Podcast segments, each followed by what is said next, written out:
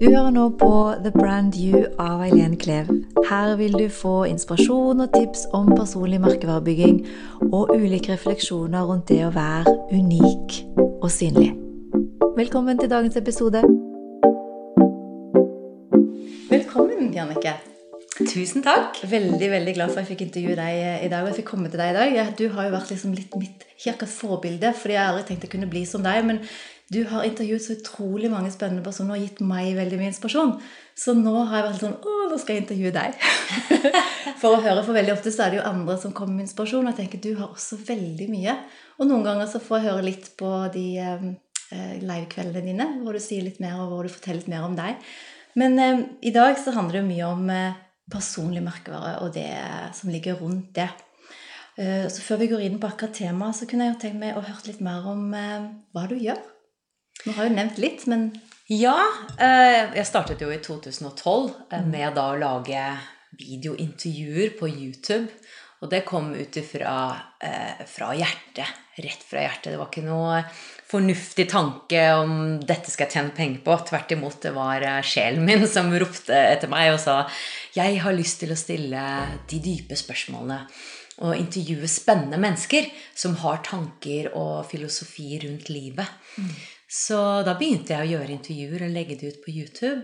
Eh, og så vokste det mer og mer, så i 2015 begynte jeg da med livekvelder. Fordi jeg har jo stått på scenen siden jeg har vært fem, nei, syv år. Ikke fem, syv. syv. Um, så det var på en måte naturlig for meg å stå på scenen da. Og det syns jeg var veldig givende å møte publikum. Ikke bare gi ut intervjuer på nettet, for da får du sjelden egentlig direkte tilbakemelding, bortsett fra mm. sosiale medier og noen mailer. Men jeg, liksom, jeg møter ikke folk. Mm. Så jeg syns det har vært veldig givende. Og ut fra det så har det vokst eh, til å bli av foredrag som jeg gjør innimellom, og den siste summiten jeg har, og ulike prosjekter av eh, ymse slag som jeg har gjort da, mm. i forbindelse med Wisdom from North.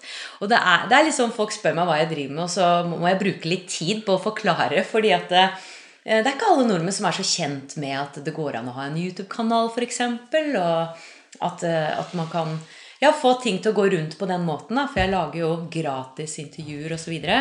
mm. så det startet veldig med gratis, gratis. Mens nå har jeg begynt å da ha mer fokus på å bygge en business. da. Det er jeg i prosess med.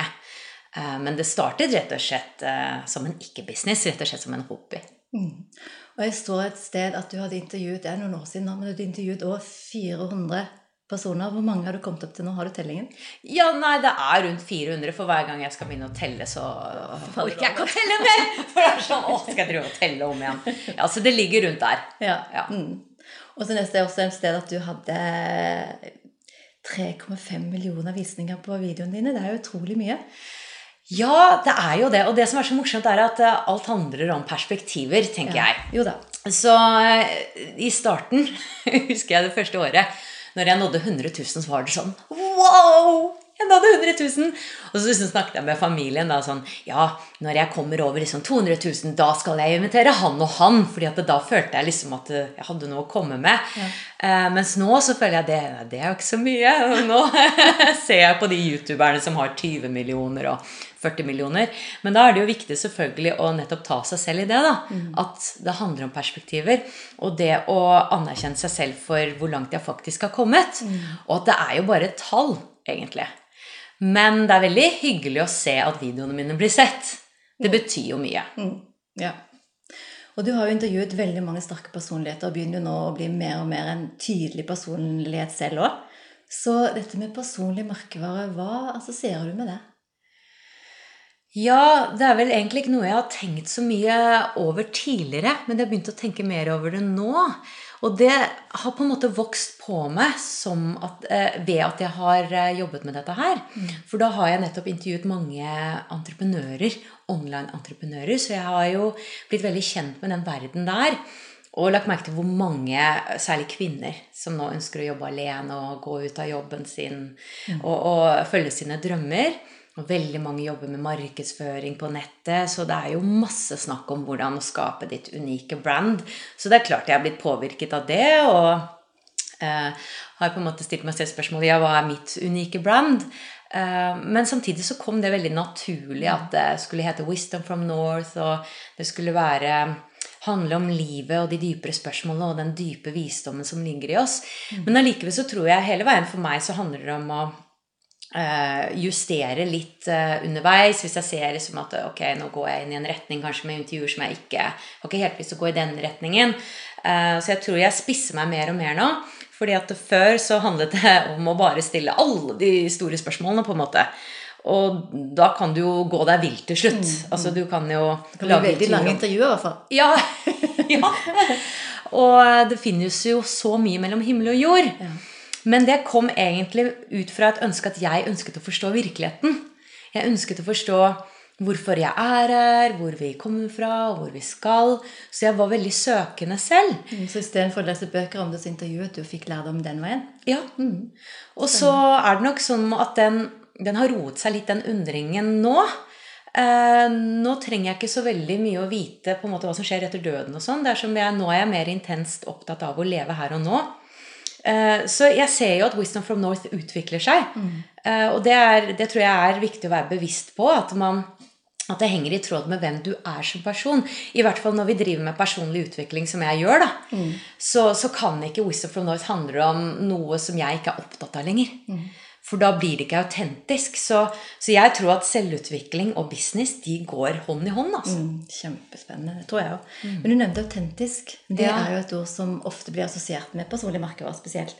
Hva legger du i ordet autentisk? Hva er det for deg? Ja, det er et ord som betyr veldig mye for meg. Fordi at jeg føler at om jeg ikke er det, så lyver jeg for meg selv. Eh, så det å være autentisk for meg selv, det betyr å være sann mot meg selv. Og det har ikke så mye med alle andre å gjøre, for meg, da. Mm. Men det handler om at jeg er tro mot meg. At jeg f.eks. ikke avviser meg selv. Eh, at jeg snakker min sannhet. At jeg uttrykker den. Og at jeg også følger den indre tråden. Fordi jeg føler når jeg ikke gjør det, så er det som jeg tar livet av et eller annet som er veldig pure, veldig mm. vakkert i meg selv. Og så legger jeg det på hold, for å kanskje følge frykten. Mm. Fordi jeg er redd for at f.eks. jeg ikke vil lykkes, eller redd for at businessen ikke vil gå rundt. Og hvordan skal jeg ta vare på meg selv, forsørge meg selv, alle disse basale behovene. Men også redd for hva folk vil synes. Så, så kanskje tar jeg da valg som kommer mer ut fra det ego, da. Eller hva du mm. måtte kalle det. Mm. Og da kjenner jeg at det, det, er et eller annet som skjer inni meg, som er, er et stort ubehag. Det blir liksom veldig grått. og det blir ikke godt, mm. men jeg føler meg kanskje litt tryggere. Men når jeg er autentisk, så blir jeg også jeg blir liksom enda mer glad i meg selv. Mm. Og jeg blir stolt. Og selv om ingen andre heier rundt, så er den så uh, Det betyr så mye, den følelsen, for meg selv. Mm. At uh, jeg, jeg, forsøker så godt jeg kan å, å, følge den indre tråden, fordi at jeg vet at det er noe av det viktigste for meg i mitt liv å gjøre. Mm. Men det er jo ikke alltid jeg klarer å skille hva som er hva. Så det er en stadig søken, egentlig. Hva er tipset til andre som også kanskje er i startgruppe med å liksom finne sin autentiske stemme, og det å lytte mm. til den som du sier, den der Du kjenner det inni deg, du, eh, og du kjenner også motsatt når du ikke følger det. Hva er liksom ditt tips for å kunne kjenne på den, den følelsen? Ja, jeg tror faktisk altså På en måte så er det enkelt, på en annen måte er det ikke enkelt. Og det er det som er så paradoksalt ofte med livet. Fordi her snakker vi jo virkelig om de dypere tingene. Vi snakker om en dypere intelligens i oss selv.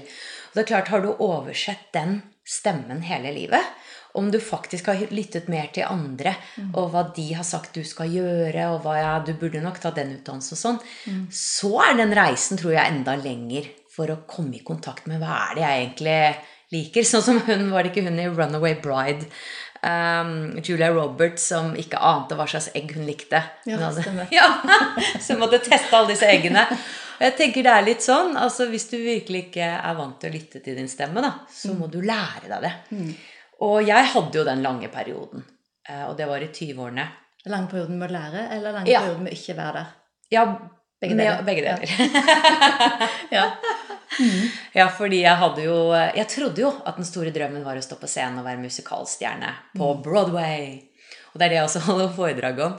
Eh, fordi når du var syv år, så spilte du i Le Miserable, var det ikke det? Ja. Le Miserable, hva sier det? Le Miserable. Ja. ja, det er riktig. ja. Ja. ja. det startet jo der. Og, og så gikk det slag i slag med masse barneroller med Annie og osv. Og, mm. og så mistet jeg da stemmen i 20-årene, så jeg fikk knute. Og da raste jo alt. Så ikke bare mistet den autentiske stemmen, faktisk stemmen. Ja. det er ikke sant? Det er derfor jeg er så opptatt av autentisk stemme. ja. ja, jeg tror jo at ingenting er tilfeldig. Jeg tror det var en grunn til at det skjedde. Så, så, da ble jeg jo Jeg ser sånn bilde av at liksom bena mine ble kappet av. For plutselig hadde jeg ikke noe å stå på lenger. Um, og da hadde jeg ikke noe annet valg enn å være stille og, og gå innover og søke hva, hva, er egentlig jeg uten stemmen min? Og hva er jeg når jeg ikke står på scenen? Har jeg noe verdi da? Og den prosessen tok lang tid. Og det, det viser jo hvor eh, inngrodd jeg var i et trossystem som fortalte meg at du er ikke verdifull hvis du ikke presterer. Mm. Og det kommer jo fra barndommen, som jeg snakker om i foredrag, at eh, om, bygget, om, din selvfølelse blir bygget opp, eller din selvtillit, da. Om du får fokus på det du presterer, eller om du får fokus på prosessen og den du er som person, anerkjent for dine egne følelser. Mm. Eh, så jeg begynte Jeg var jo deprimert i flere år. Så jeg begynte å rett og slett legge merke til hva det var som gjorde meg glad. Altså ikke glad, for jeg klarte ikke å være glad, men hva som gjorde at det lysnet bitte lite grann. Og så var de små tingene som at plutselig jeg kjente at ja, når solen på en måte varmer meg på kinnet, så er det godt. Ok. Så gikk jeg ut i naturen, og så kjente jeg å, blomster, liksom, de er vakre. Og så kjente jeg at i naturen så var det ingen som bedømte meg eller applauderte. Så jeg kunne bare være. Og, og, da gikk det litt opp for meg at det å være, det er jo da en kraft i seg selv. og så fikk jeg det vendepunktet. Jeg fikk en sånn aha-opplevelse da jeg spilte i Hotell Cæsar. Og begynte å gå på rød løper, og plutselig var jeg noen igjen, liksom. Og da husker jeg stilte meg selv det spørsmålet at ja, nå som du plutselig har en rød løper her, Eh, er du noe mer verdifull nå enn før, da du ikke gikk på rødløpere? Og så tenkte jeg men i all verden, men jeg er jo ikke det, liksom. Altså Min verdi har jo ikke noe med en rød løper å gjøre. Og da skjønte jeg så inderlig godt altså den dypere visdommen ved at vi er så verdifulle ved å bare være oss. Men jeg hadde ikke trodd det. Og det, så nå er det sånn Oh my goodness! Og så gikk det an å tro på noe annet, liksom. Mm. Og da begynte dette her å virkelig integreres eh, av at jeg lever mitt liv. Jeg er sjefen over mitt liv. Og jeg må leve ut fra hva jeg ønsker å gjøre. Og da kjente jeg at eh, da begynte drømmene å forandre seg. Så det handlet ikke lenger om å gå inn i alle roller og, og spille, eh, ja, spille roller på en scene. For jeg kjente at uh, skuespillerbransjen, musikalbransjen, var ganske tøff. Mm. Og gjorde jeg meg godt. Og, så, og det å stå på scenen, ja, det er kjempegøy og sånn. Men uh, det der med å hele tiden gå på auditioner, bli avvist Og så ble jeg lykkelig av det. Så kjente jeg nei, jeg gjør jo egentlig det, liksom. Og når du begynner å stille spørsmål om disse tingene som du trodde du alltid likte, så, så får du plutselig noen svar du kanskje ikke liker i begynnelsen, men Ja, men gir muligheter likevel? På noe ja, helt annet, det er akkurat det. Mm. Og så må du da gå dypere og dypere, i hvert fall jeg måtte det, og kjenne at oi, det er noe med empowerment, self-empowerment, som jeg er så glad i. Det indre potensialet i mennesket. Så dette var langt svar på Veldig bra svar. men, men, svaret, da, ja. det, det, er å Eller i hvert fall et kort svar. det er å virkelig legge merke til hva gjør deg glad. Mm. Fordi det, du kan ikke gå feil. Når du kjenner at 'oi, jeg blir så glad av å skrive denne boken', her, eller skrive eller hekle eller Da er det noe i det. Mm. Når du kjenner glede, da går du ikke feil, Nei, ikke tenker jeg. Veldig bra. Et annet ord som kanskje også er liksom motor, men, eh, men eh, tenker jeg den aller viktigste ingrediensen i det å være en personlig merkevare, eller bygge personlig merkevare, det er å finne det unike. Og det henger jo kanskje sammen med det autentiske. Mm. Men hva, hvilke assosiasjoner har du til det med å være unik? Hvordan definerer du det for deg? Ja, eh, jeg har ikke noen sånn definisjon i Nei, ord på det. Men men jeg tenker jo at det har noe med din essens som sjel, som menneske Altså, vi alle er jo helt unike, ikke sant? Mm. Ingen er jo lik som oss. Mm. Så det er det å Ja, eh, å, å legge bort sammenligninger, blant annet. Eh, hva er vi uten alle disse sammenligningene? Mm. Om vi ikke sammenligner oss med andre, hva er det jeg ville skapt da? Hva er det som er det unike, den unike energien min, f.eks.? Mm. Vi har så ulik energi også.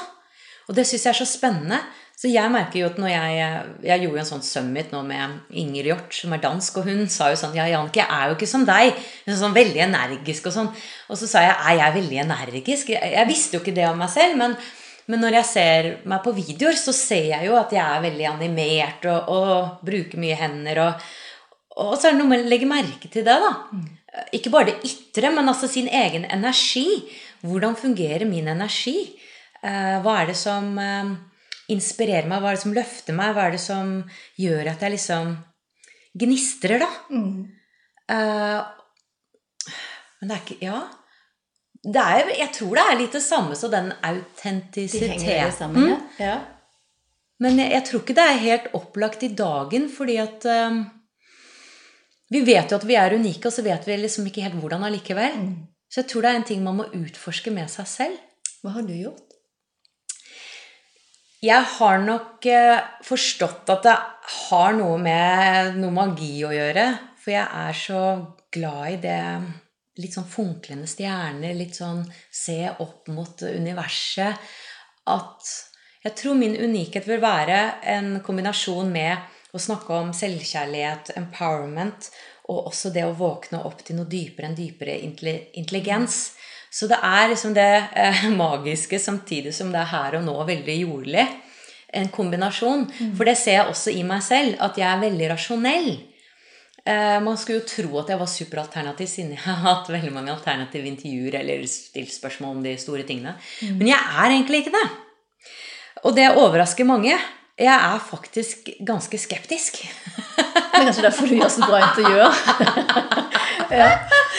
så, så jeg tror at jeg kan ikke da late som at jeg er en eh, åndelig mester på en måte som skal fortelle folk om Nå står det en energi i rommet her. Mm. For det kan ikke jeg se. Tilbake til det med å være autentisk. ikke sant? Mm. Jeg kan ikke det. Og da må jeg snakke om det jeg kan, mm. og ikke det jeg ikke kan, som jeg har hørt andre kan. Og så tar jeg bare deres kunnskap. Ja, ikke sant? Ja. Så jeg må jo snakke om mine erfaringer. Men det virker som du har, selv om du ikke har bevisene på det, så har du en egen eh, hva skal jeg si, overbevisning om at du snakker jo om sjelen, og det er jo ikke noe logisk. Ja. Du snakker jo om en del begreper som er litt sånn alternative og vanskelig å bevise-aktig. Mm. Og så snakker du om som er den største selvfølgelighet og den største trygghet, og likevel er du skeptisk. Jeg blir sånn ja. Hvor, ja. hvor, henger det sammen? Liksom? Det var veldig morsomt, fordi det var en jeg intervjuet som bare sa Du har et så interessant ambivalens i deg.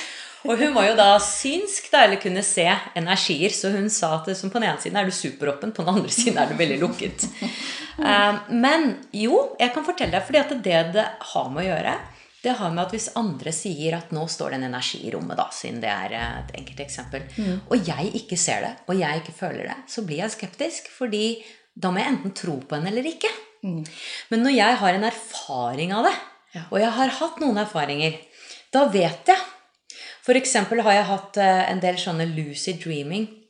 Antageligvis får jeg ikke tid til å snakke om det her, men jeg har også vært eh, ute av kroppen en gang når jeg mediterte. Så plutselig så steg jeg ut av kroppen. Så jeg har en erfaring av at jeg er, eh, eksisterer utenfor denne kroppen. Og jeg har hatt noen åndelige opplevelser en gang hvor jeg mediterte på hjertet, hvor jeg plutselig bare ekspanderte. Og jeg kan ikke forklare med ord, fordi det var sånn Altså, det er ingenting jeg har opplevd i denne verden. Men jeg kjente en sånn enorm kjærlighet for meg selv.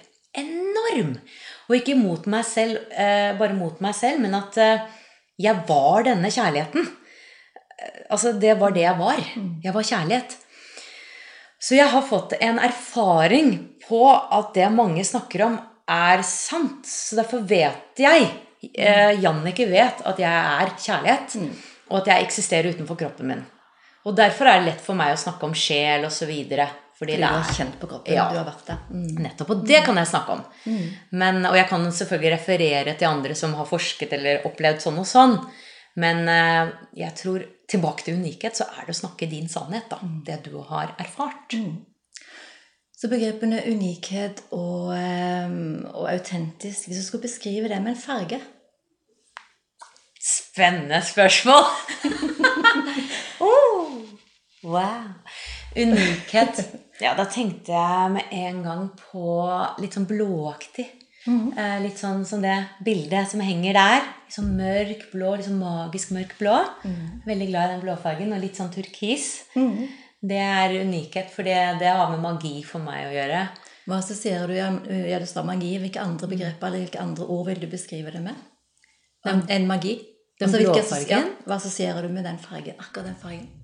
Eh, beyond. Beyond. dypt innover. eh, utforske mer. Det er alltid mer, mer, mer. Vi kan alltid gå dypere og dypere. Og vakkert. Vakrere og vakrere. Mm. Veldig bra. Hvis du skal beskrive det med en form, uh, unikhet med en form. er det en figur, eller? Ehm, hmm. Ja, det kommer noe rundt. Noe rundt, ja. Ja. Mm. Hva legger du i rundt? Hva er grunnen til at rundt kommer, tror du? Jeg tror det er fordi at det er som et helt bilde på en eller annen måte. At det er en sirkel. Jeg tror ofte livet handler om sirkler. Mm. Eh, at det er en helhet. Det er ikke kantete, det er liksom ikke firkantet, det har ikke noe ende. Det, har, det bare fortsetter. Kanskje egentlig et åttetall. Uendelige tallet? Ja. ja. Mm. Tror jeg lander på den. Ja. Hvordan føles det, dette med å være unik og autentisk i forhold til tung og lett? Ja! For deg? jo, men det føles jo veldig lett. Det føles lett. Ja. Og det er vel kanskje Det var veldig smart sagt, um, holdt jeg på å si. Eh, Det var et fint perspektiv, fordi at eh, det føles jo nettopp lett når du er autentisk. Det er som du må jobbe litt hardere når du går imot deg selv. Mm. Fordi at det er tyngre. Mm. For det er jo ikke det energien din ønsker, egentlig. Mm, veldig bra. Så et annet ord som også går igjen som et sånn begrep som kommer litt på sidelinjen i forhold til dette. Det er jo det å være perfekt. Ja. Hva tenker du om det?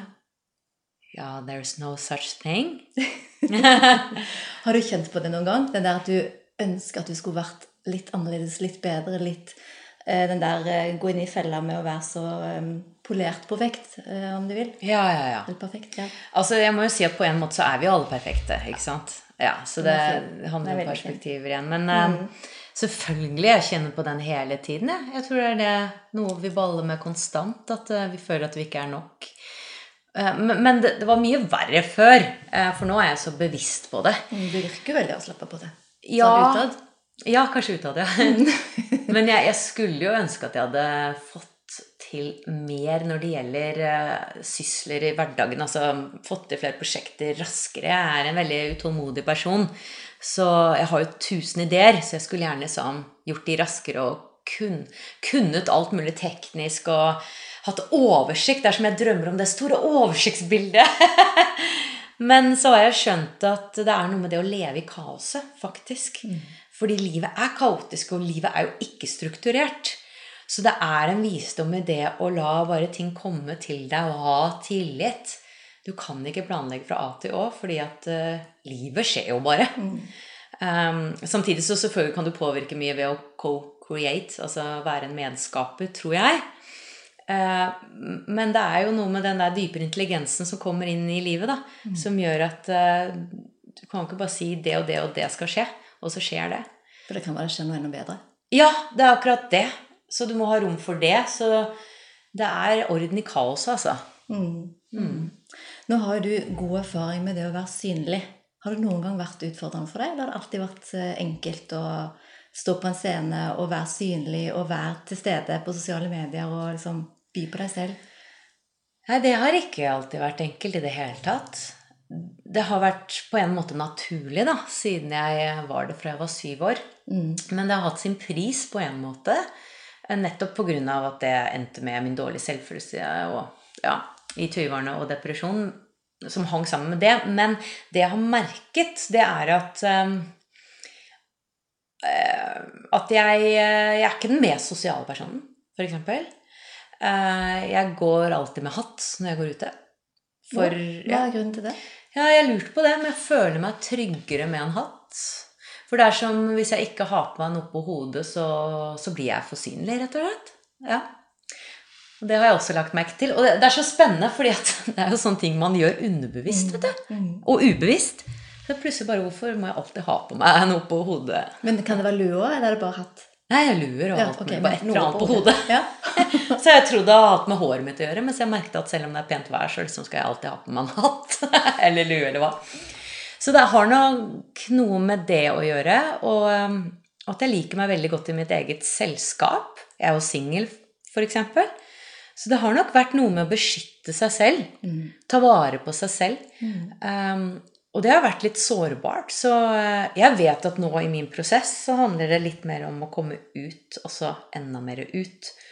Eh, ikke være synlig og samtidig trekke seg tilbake, men faktisk kunne stå I det? i det hele tiden. Selvfølgelig, man må jo trekke seg tilbake for å lade opp. eh, Men jeg har trengt å lade opp sånn ekstremt mye. Så jeg har Dette er jo litt sårbart, da, men jeg eier det. Jeg har hatt vanskeligheter med å være på hyttetur med venner osv. Eh, fordi at jeg, jeg får ikke trukket meg tilbake for å lade batteriene. Uh, og det er noe jeg har trent på de siste årene. Det å kunne liksom ja, stå i min egen kraft. Ikke måtte liksom gå inn på rommet for å ha, Nå kan jeg slappe av, liksom. Uh, og det har også med dette med selvfølelse å gjøre, og, osv. så videre, så alt henger sammen. Men ja, så jeg er litt Det prosess på spennende med det. det, er at jeg opplever at mange som er veldig utadvendt utad, Ja. har den samme trangen til å Mm. være helt alene. Og det er veldig få som tenker at de assosierer dem med det, med den personen. Så det at du sier det samme, er jo ganske spennende, for du også virker Mm. utad som en veldig utadvendt, eh, livlig, sosial eh, person. Og du sier Mm. at det, det er ikke noe jeg kommer på min private arena. Nei, jeg er ikke eller I hvert fall altså. må du i så fall lade opp eh, først. Mm. Ja. Men som sagt så er jeg i prosess med å åpne opp mer der. fordi Mm. at jeg, jeg tror det er mest naturlig for meg å være ganske sosial, og jeg Mm. har savnet det. Eh, og jeg vet at jeg må gjennom noen barrierer i meg selv der for å våge, og, og for å vite at det, indre barnet mitt vet at dette er trygt. Mm. Det er trygt å være på denne hytteturen her, liksom. Det skjer ikke noe farlig, liksom. Mm. Men har det vært noe annerledes å være synlig når du spiller en rolle og en annen person, eller når du intervjuer andre, versus det å komme ut med din egen stemme? Mm. Ja, Ja. det er stor forskjell. ja. Veldig. Ja. Mm. Hva tenker du om reisen videre? Blir det mer av deg da, eller syns du det fremdeles er fin balanse med å ha vekt, mye vekt på andres og litt på meg selv? Nettopp. Ja, jeg, eh, hvis jeg skal være helt ærlig med meg selv, så er det nok et ønske eh, om å snakke mer selv. Mm. Det er det, og det er nok som jeg gjemmer meg litt bak de jeg intervjuer. Selvfølgelig så syns jeg det er utrolig spennende. Og jeg føler virkelig at jeg er i min purpose når jeg gjør det, fordi at jeg blir så inspirert. Men allikevel så er det som den største utfordringen for meg er faktisk å stå frem og begynne å snakke selv. Eh, Og da er det som jeg kjenner at det er også det jeg må gjøre. For jeg tror at der din største frykt er, det er der ditt største potensial er. Så det er veldig lett for meg å intervjue, og så er jeg sånn halvveis synlig. Men når jeg står der og liksom sier at 'dette her tror jeg på', 'dette har jeg opplevd', så ja, så kan man jo få alle mulige tilbakemeldinger osv. Og, ikke bare det, det er tilbake til at da blir jeg ekstremt synlig. Mm. Så da må jeg ha jobbet med nettopp det jeg snakket om i sted. Men jeg tror det kommer, altså. Mm. Jeg, jeg er på en måte i, eh, f, um, i barsel, holdt jeg på å si. Mm. Ja. I den prosessen du er i nå, er det noen tips du kan gi til andre som kanskje ikke har kommet så langt som du engang, med å tørre å være mer synlig med, med å være seg selv der ute? Hva er liksom dine tips eh, i forhold til din læring så langt? For Du har gjort mye, og du sier du fremdeles er i en prosess, men Mm. hva er det du kan gi andre av tips på akkurat det? I forhold til å bli mer synlig. Mm. Ja. Stå i det og kunne vise mer av seg. Ikke bare være synlig for å være synlig. For det er som du sier, du kan jo være en skuespiller, eller du kan intervjue andre. Du kan være Ja. synlig på mange måter. Ja. Men det å være synlig på sin unikhet, det å være seg selv og være synlig, det er jo noe helt annet, som du også nevnte i stad. ja. Hva er tips der, sånn som du, har, eh, som du jobber med eller har lært deg? Eller har Mm. kanskje fått tips fra andre som du har intervjuet? Ja, faktisk så tror jeg at uh, man skal være Nå kommer jeg veldig sånn advarsler. Man skal være litt forsiktig med å være for synlig overfor familie og nære venner først. Altså hvis du ikke da har venner som virkelig forstår uh, det type språket som du har lyst til å snakke, eller uh, er liksom helt på bølgelengde. Fordi det er så lett å, å miste motet hvis du ikke får den tilbakemeldingen du ønsker. da. Fordi at de er vant til å se deg på en spesiell måte, og da har de på en måte kontroll. Og det er ikke noe galt i det, men det er, alt som er uvant, er litt sånn usikkert. Så det er så lett å gå tilbake til gamle spor. Så jeg ville heller oppsøkt på en måte miljøer hvor, eh, som, hvor det støttes, og nesten prøve nye ting. altså Oppsøke miljøer hvor, du, hvor folk ikke kjenner deg. Så kan du liksom virkelig gå inn i den nye personen du har lyst til å være. Det du har lyst til å skape deg selv som. Eh, og kjenne på det. Hvordan, hvordan det føles. Um, og, og det jeg har gjort mye, faktisk, det er å ta opp iPhonen min og lage videoer til meg selv. Hvor jeg snakker til meg selv. For er jeg får en sånn kontakt med meg selv. Det er nesten som en sånn dagbok. Uh, for det første så ser jeg meg selv på video, så jeg blir komfortabel med stemmen min og hvordan jeg ser ut. Og så er det som jeg liksom får en sånn sjelekontakt med, med meg. Uh, og da spiller jeg jo ikke, jeg er liksom bare meg selv. Så jeg får sånn nærere uh, kontakt med meg selv. Så det har funket veldig bra for meg. Og så tror jeg at uh, man må ta de små skrittene. Jeg tror at Altså Du må ikke tro på en måte at du trenger å lage masse videoer eller starte kjempeprosjekt med en gang. Jeg tror det er lurt å ta ett skritt av gangen og få mer og mer trygghet. Og gi deg selv det rommet til å bygge opp den komfortsonen, eller trygghetssirkelen din. Fordi at når du da har f.eks. gjort noe som har vært litt uvanlig for deg, og strukket deg litt, eller vist litt mer hvem du er, så vil du få en, kanskje en, et behov for å gå inn igjen. Men hvis du har gått for langt ut, så tror jeg at når du da på en måte dette var, dette var utrygt, nå har jeg gjort det én gang, men herregud, så mye energi det tok, liksom, og dette var skummelt, så er det lett å gå helt inn igjen, skrumpe helt inn igjen. Men hvis du på en måte utvider stadig da, den trygghetssirkelen, så går det sakte, men sikkert. Mm. Og til slutt så har du utvidet den så mye at, at det er naturlig for deg å være der. Så du på en måte går ikke så mye tilbake. Du går ikke helt tilbake til der du var. Men du vil nok gå litt frem og tilbake. At du er litt i det samme mønsteret, og så og så blir det skummelt igjen. Men de små skrittene, de tror jeg er kjempeviktige. Og plutselig, det var sånn i hvert fall jeg har erfart det, plutselig så er man så langt, kommet så langt i forhold til der hvor man var før. Man fatter ikke engang hvordan det var å være sitt gamle selv. Mm. Og det har gått gradvis. Ja. Så små steg og erfaring. At du bygger erfaring i det du gjør. Det tror jeg er også viktig. Det å være unik fra en skala fra 1 til 10, hvor unik føler du det? jo, men altså, vi alle er jo unike. Mm. Så alle er jo på en tier, tenker jeg. Men følelsen? Ja eh, hmm, Unik. Spesiell. Hvordan du føler deg akkurat i dag, denne uka. Ja, jeg, jeg, liker jo å tenke at jeg er litt unik, da. Mm. For hvis jeg sier eh, noe motsatt, så, så syns jeg at jeg ikke gir meg selv kreditt. Mm. Uh, siden det er så viktig for meg. Mm. Så jeg vil si at jeg ligger ganske høyt. Men på, på, andre måter, kanskje i andre situasjoner i livet, så gjør jeg ikke det. Uh, og det er jo ikke alltid at det er um, positivt Eller hva skal man si um, jeg, jeg, skal jo ikke være spesiell i alle situasjoner, på en måte. Uh, jeg trenger jo ikke alltid på en måte å være unik hele tiden. Jeg kan jo gå i mengden, jeg òg, av og til. At det, det også er greit. Så får du ha hatt av og til?